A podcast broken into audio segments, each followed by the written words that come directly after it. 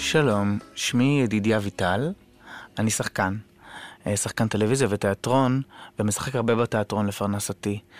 העבודה של שנים בתיאטרון ועל הבמה אה, יצרה אצלי איזה מין חלום שהוא חוזר בהמון המון המון צורות, אבל הוא כמו מין סיוט שתמיד תמיד מבקר אותי, ובחלום הזה אני תמיד צריך לעלות לבמה, להחליף באיזושהי הצגה. אה,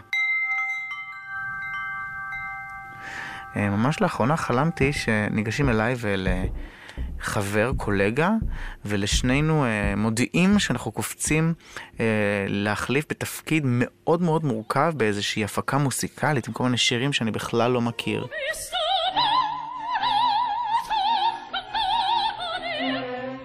וההבדל ביני לבין הקולגה שמודיעים לי מהנהלת התיאטרון שאני צריך לבטן את הבמה לפני ההצגה. אה, ממש בעבודת כפיים של פועל בניין, ואני מוצא את עצמי מיישר ושופך בטון, אה, ואני. חושב לעצמי, תוך כדי שאני שופך ומערבל בטון ומיישר אותו עם פיסות עץ על הבמה, ומייצר את הפאנלים של הבמה, וממש ממש מזיע וסוחב שקי מלט.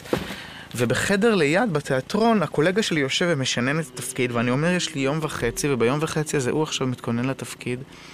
ואני צריך לבטן את הבמה, ואני מסתבך עם, ה... עם הבטון, הוא מתקשה לי, הוא מתרכך לי, אני לא מנהל את זה מספיק טוב.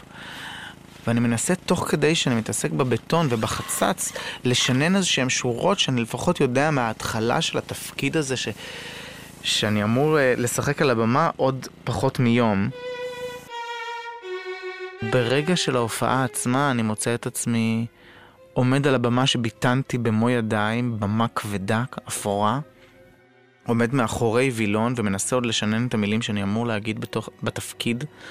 Uh, כשבטעות נמשך וילון שמסתיר אותי ואני מוצא את עצמי גם חשוף מול הקהל בעודי משנן את המילים שאני אמור להגיד על הבמה uh, והקהל צוחק. חשבתי לעצמי, מה מביא את החלומות האלה?